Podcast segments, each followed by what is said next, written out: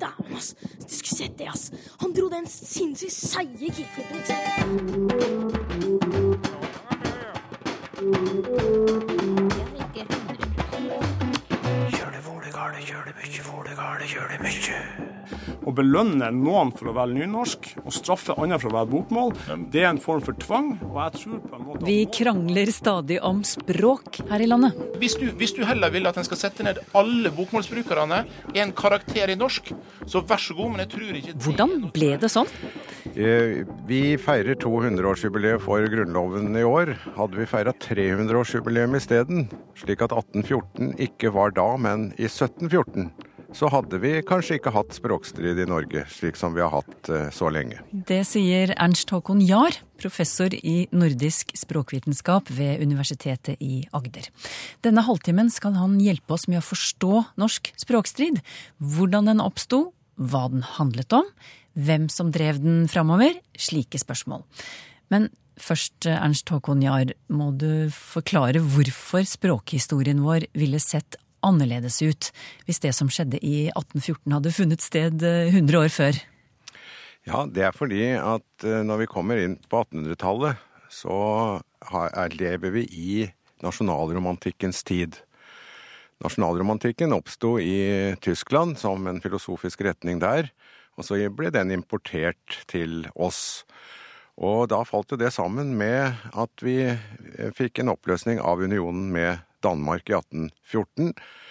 Og da ble det sånn at nordmennene med en gang, nesten med en gang, begynte å tenke seg om hva er en nasjon? Hva er det som er spesielt for en nasjon? Slik som tyskerne hadde sagt. Og det som var det helt essensielle for en nasjon, det er at det har sitt eget språk. Og det ble jo komplisert den gangen, fordi vi jo brukte det danske skriftspråket som vi hadde arva fra unionen med Danmark. Men i 1714 så hadde ikke dette kommet opp, kanskje fordi da var det ikke noe nasjonalromantikk. Og da kunne vi kanskje fått samme utvikling i Norge som de har fått i USA, hvor de jo bruker engelsk, og kaller det engelsk. Og da kunne vi ha fortsatt å bruke dansk, og kalt det dansk. Så eh, det var først da nasjonalromantikken slo innover eh, landet at eh, vi begynte å stille sånne spørsmål og tenke på at nasjon krever noe, og det krever særlig eget språk. Og hvor var det i Norge? Ja. Det var det store spørsmålet. Og du sier at riksmålet er jokeren i norsk språkstrid. Og hva mener du med det? Ja, det, det sier jeg fordi at hvis vi ikke hadde hatt talt riksmål, og nå snakker jeg ikke om skriftlig riksmål, men om talt riksmål, som var overklassens talespråk i Norge, som hadde utvikla seg i dansketida, og som den norske overklassen brukte over hele landet. Det var en lita gruppe egentlig, men den var jo over hele landet. Og den hadde utvikla et eget talespråk som på en måte verken var norsk eller dansk, men var noe helt eget. Eh, nemlig et resultat av kontakten mellom talt norsk og skriftlig dansk. Det var det nesten umulig, det var, ja det var umulig ut fra språkvitenskapen på 1800-tallet å forklare. Og fordi at den ikke kunne forklare denne spesielle språktypen, et språkkontaktresultat, så eh, var en nødt til å si, ut fra det en da hadde, at dette må være enten dansk eller norsk. Og da var det at Ivar Aasen eh, sa at dette må være dansk, og følgelig ikke kan delta på en måte i det språklige som skal bære den norske nasjonen.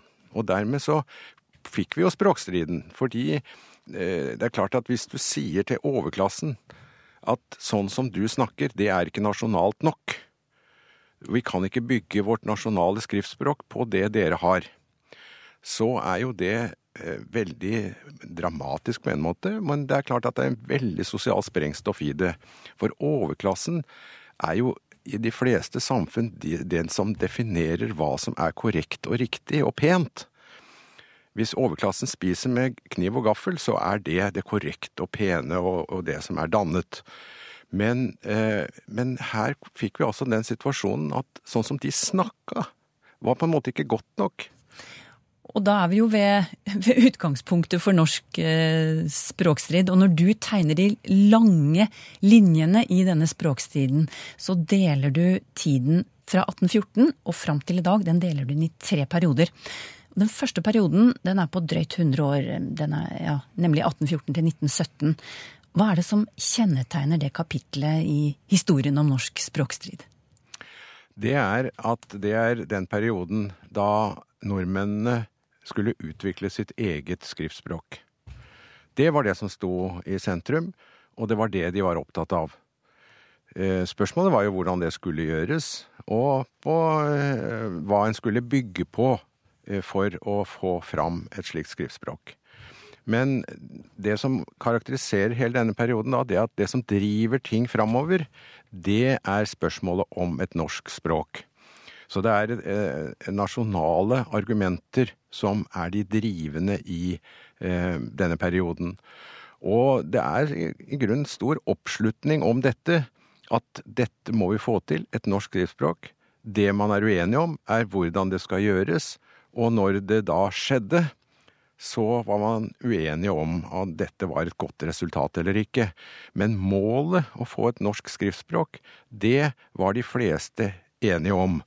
Og når vi kom fram til 1917, så var det jo det at da hadde de gitt seg utslag i to skriftspråk som var norske.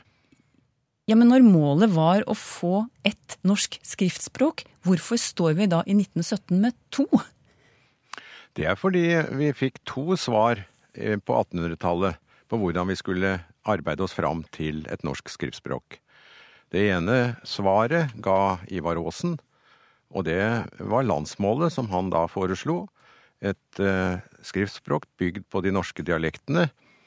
Og det andre svaret var det Knut Knutsen som eh, ga, og han sa nei, vi behøver ikke å gjøre det på den måten.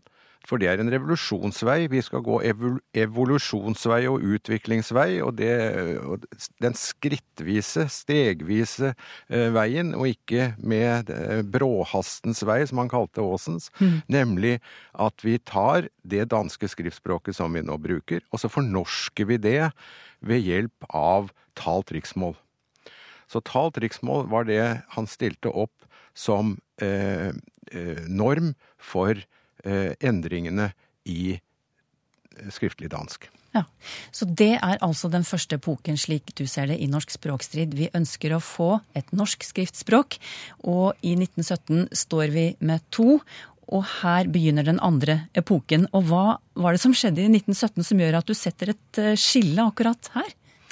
Jo, det er det at eh, i 1917 så skjedde det mange ting. Fordi i 1917 så, så står vi da, som jeg sa, med to norske skriftmål. Eh, riksmål og landsmål, som det var kalt da.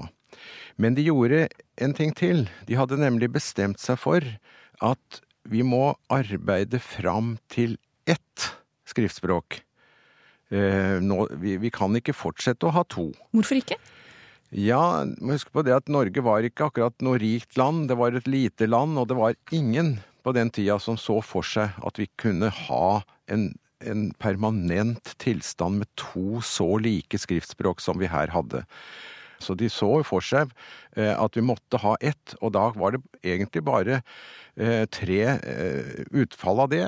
Det ene var at landsmålet ble enerådende, det andre var at riksmålet ble enerådende, eller det ble en løsning som ble en kompromissløsning. Og den kompromissløsningstanken slo igjennom i Stortinget rundt 1915.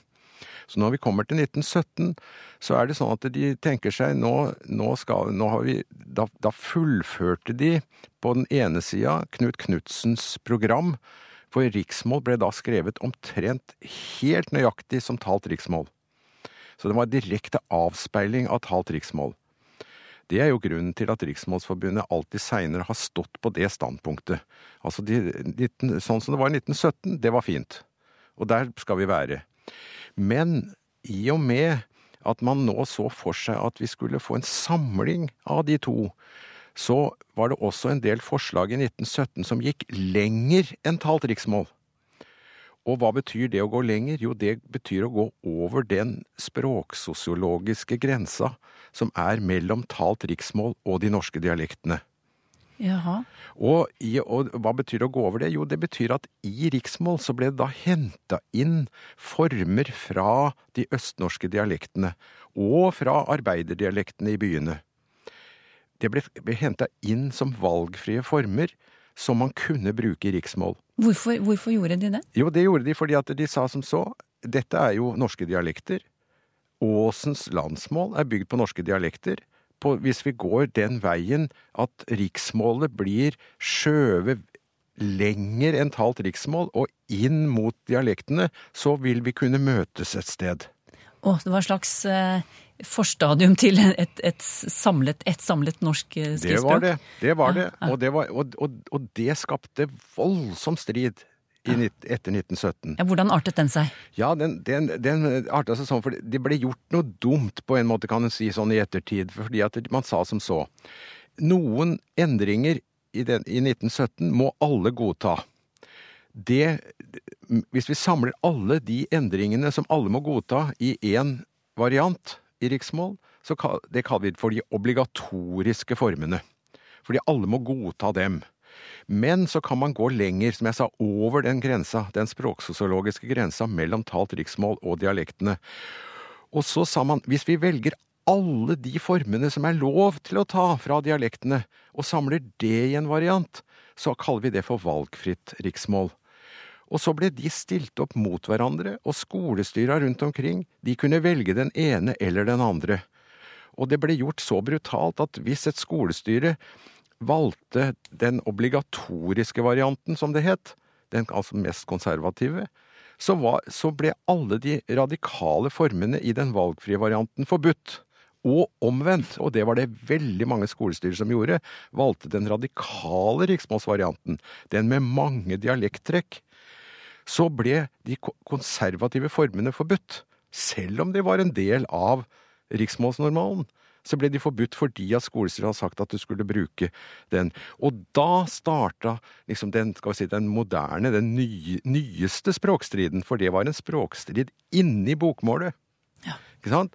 Ehm, Så det, du kan godt si at, at tidligere så har vi hatt to armeer som sto mot hverandre. To hærer som sto mot hverandre. Det var liksom riksmålshæren, og så var det landsmålshæren. Og de sto da liksom og skulle slåss. Men nå fikk du en sånn geriljabevegelse inni bokmålet. Og, og, og Riksmålsforbundet, som da ble eh, stifta i 1907 for å arbeide for riksmålssaka, de, de konsentrerte seg etter hvert så å si utelukkende om den interne geriljastriden i bokmålet. For de så den som mye farligere enn denne invasjonshæren fra eh, landsmålet. Skal vi bringe inn noe som hender eh, på 1920-tallet? Eh, Arbeiderpartiet setter språkstriden inn i Klassekampen. Ja, Hva skjer?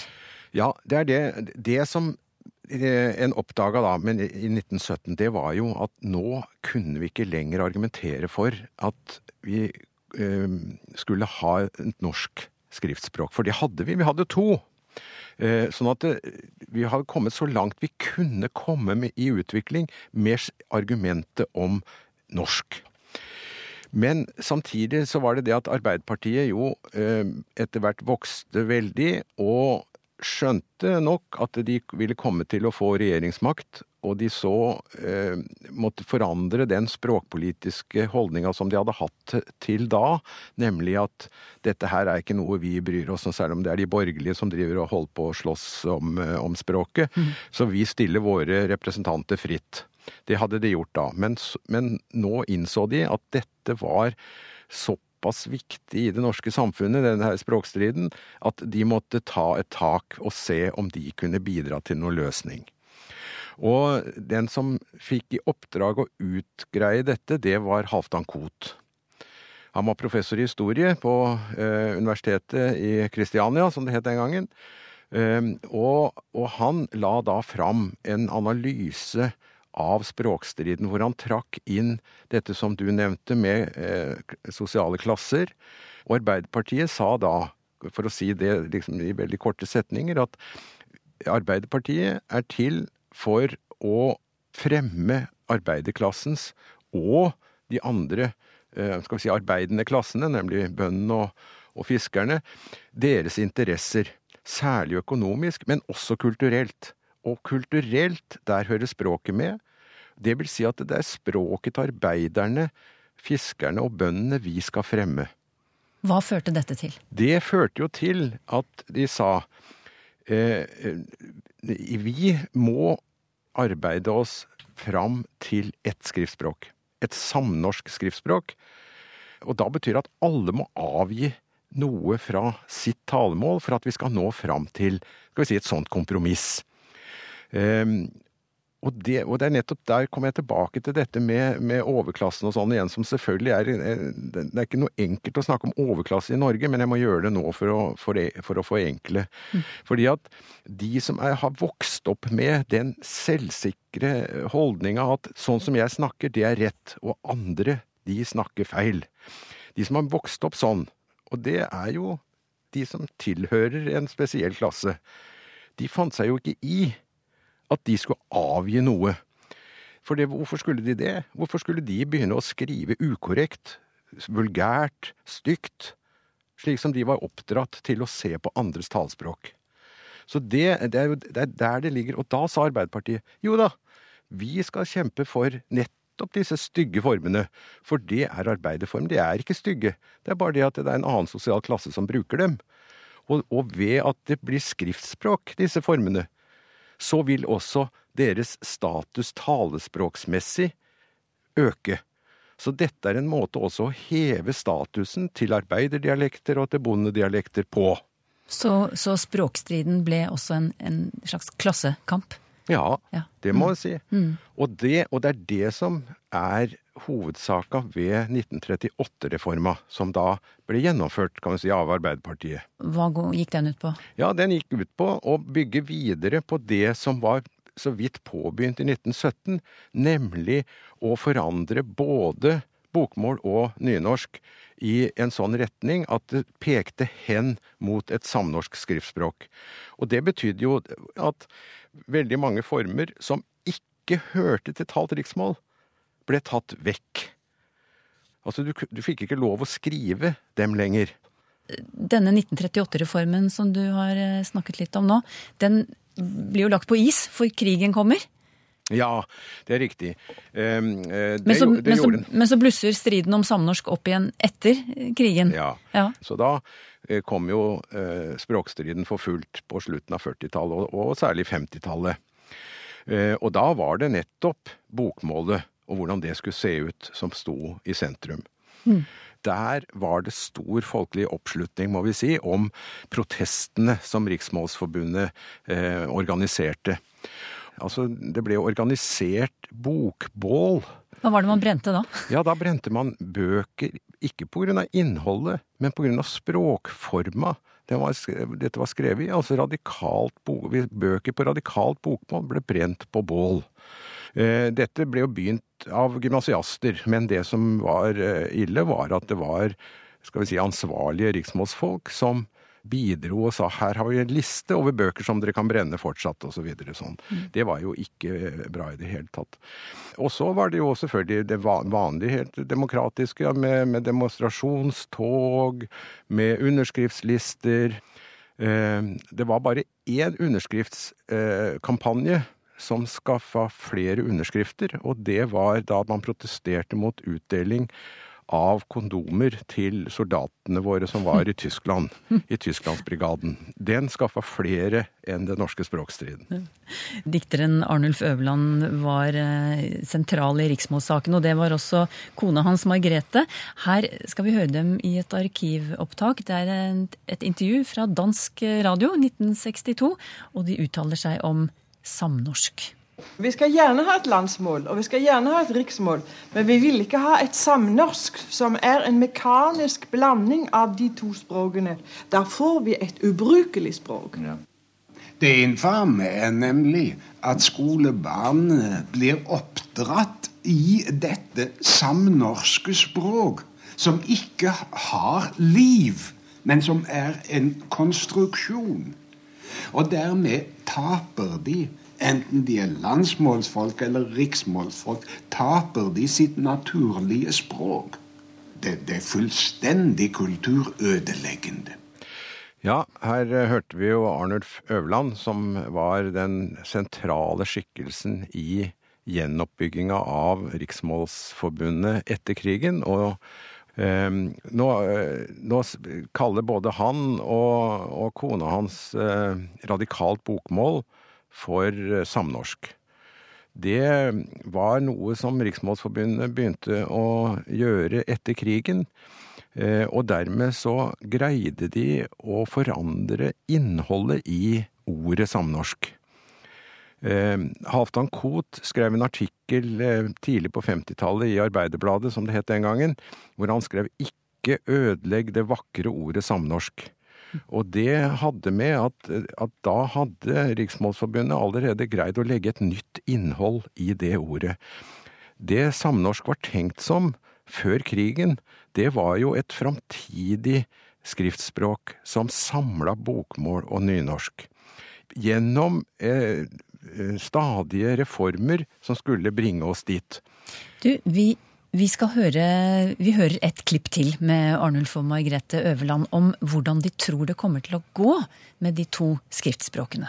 Etter hvert som befolkningen blir mer og mer homogen, vil sannsynligvis riksmålet eh, bli det seirende. Landsmålet kommer til å forsvinne gradvis, det, ettersom uh, kommunikasjonsmidlene uh, blir utbygget og radio og presse får større makt. Fjernsyn også. Seier til riksmålet, spådde Arnulf og Margrethe Øverland. Slik gikk det ikke, for et par år etter skjedde nærmest det motsatte. Fredsslutning. Hva skjedde? Ja, det som jo skjedde rett etter at dette intervjuet ble gjort, som vel var i 1962, eh, det var at Arbeiderpartiet lederne i Arbeiderpartiet begynte å bli engstelige for hva dette kunne føre til. Eh, skal si overordna politisk. Altså det var en fare for at eh, dette, denne store motstanden mot språkpolitikken kunne rett og slett komme til å, å, å være ødeleggende for regjeringa. Og det, det, ble da holdt hemmelige møter mellom lederne i Riksmålsforbundet og Arbeiderpartiet. Og der ble man enige om at det skulle nedsettes en såkalt språkfredskomité. Og den ble nedsatt i 19, eller begynte i 1964 med Hans Fugt, professor Hans Fugt, som da var rektor ved Universitetet i Oslo, som leder. Og Derfor så kalles den også for Fugt-komiteen, eller Språkfredskomiteen. Hva, hva var konklusjonen deres, da? Konklusjonen kom i 1966, så de jobba i to år. Og da sa de egentlig at eh, det, har, det som ble gjort i 1938, med at noen former Altså at former i talt riksmål ikke nå kunne være skriftspråksformer lenger, det hadde vært uheldig. Dette er jo former som er levende i tale og skrift, og det er uheldig at de er forbudt. Det var det som Riksmålsforbundet ønska å oppnå, så de fikk sitt der. Og her slutter den andre perioden i norsk eh, språkstrid, slik du ser det. det med, altså med Språkfredskomiteens innstilling i 1966. Og så begynner vi på den tredje perioden. Den går fram til 2002. Hva er det som karakteriserer den epoken i norsk ja. språkstrid? Ja, den er, den er, sånn sett litt vanskeligere å eh, beskrive, for den er eh, litt annerledes enn de to andre. Den første var jo altså den hvor du har nasjonale argumenter for å få et, et norsk skriftspråk. Den andre perioden, det, der har du eh, språksosiale argumenter for å fremme et samnorsk skriftspråk. Og så er det den siste fra 1966 til 2002 som på en måte er en slags avviklingsperiode av det som ble forsøkt i annen periode. Mm. Men det gikk ikke så Riksmålsforbundet var eh, var jo så glad da denne eh, Språkfredskomiteens innstilling kom. For de tenkte at nå går det veldig fort, nå skal vi endelig få tilbake slik som vi vil ha det. Men det var jo ikke så enkelt, fordi eh, vi fikk jo eh, forskjellige regjeringsskifter som betydde mye. Og så kom jo 1968 og 1972 med, med EF-avstemninga. Det var liksom et veldig skifte i politikken, som, eh, og en masse grasrotbevegelser og sånn som begynte å stille spørsmål. Ja, hva er det? Språkfred? Hvem skal det være fred for? Hvem er det som vil tjene på å få språkfred? Er det, er det de som snakker dialekter rundt omkring? Er det, eller hvem er det som har fordel av det? Det er vel de som sitter med makta som har fordel av at det er fred. Og så ble det en masse diskusjon om det som gjorde at det som var lagt opp til i fuktkomiteen, det brukte skal vi si, veldig lang tid på å komme igjennom. Og da, og da tenker du på Ja, nei, altså, altså at, de, at, de, fikk inn igjen de formene. Ja. Som de uh, håpa på. Mm. Når jeg sier 2002, så er det fordi at da bestemte Stortinget at nå skal vi ikke arbeide videre med et samnorsk uh, fram mot et samnorsk skriftspråk. Uh, og, det, og da kan vi se det sånn at det var ikke nødvendig lenger. Husk på at da, da Stortinget sånn rundt 1915 bestemte seg for å, å arbeide for et samnorsk skriftspråk, så var det ingen som trodde at vi kunne leve med to målformer, to skriftmålformer. Alle mente at det måtte komme en løsning. Så har vi levd med dette så lenge som vi nå har, og dessuten så er vi ikke et fattig land lenger, slik som vi var den gangen. Og det betyr også at nå kan vi ta oss råd til å ha to skriftformer. Og de fleste vil si at det er skapt så mange kulturelle verdier eh, på liksom innafor begge bevegelsene, innafor, bokmål, eh, riksmålsbevegelsen og innafor eh, nynorsken og landsmålsbevegelsen, at, at hvis den ene skulle bli borte, eh, så ville vi lide et stort kulturelt tap som ingen egentlig er villig til eh, å stå for. Så, eh, så, det er vel det som til slutt er blitt konklusjonen, at vi må ha begge to. Eh, begge to representerer store kulturelle verdier, og til sammen så er, det, så er dette det å være norsk. Og det er, til sammen er de norsk språk. Men hvordan er det? Har vi fremdeles språkstrid her i landet allikevel? Ja, eh, vi har jo det. Altså det. Fortsatt så er det jo skal vi si, avstemninger om hvilket mål som skal gjelde i skolene. Eh, og vi har jo stadig diskusjoner om Eh, hvordan vi skal regulere forholdet mellom hovedmål og sidemål. Eh, så det er klart, eh, der ligger jo språkstriden nå mer enn det gjorde da vi diskuterte internt for bokmålet.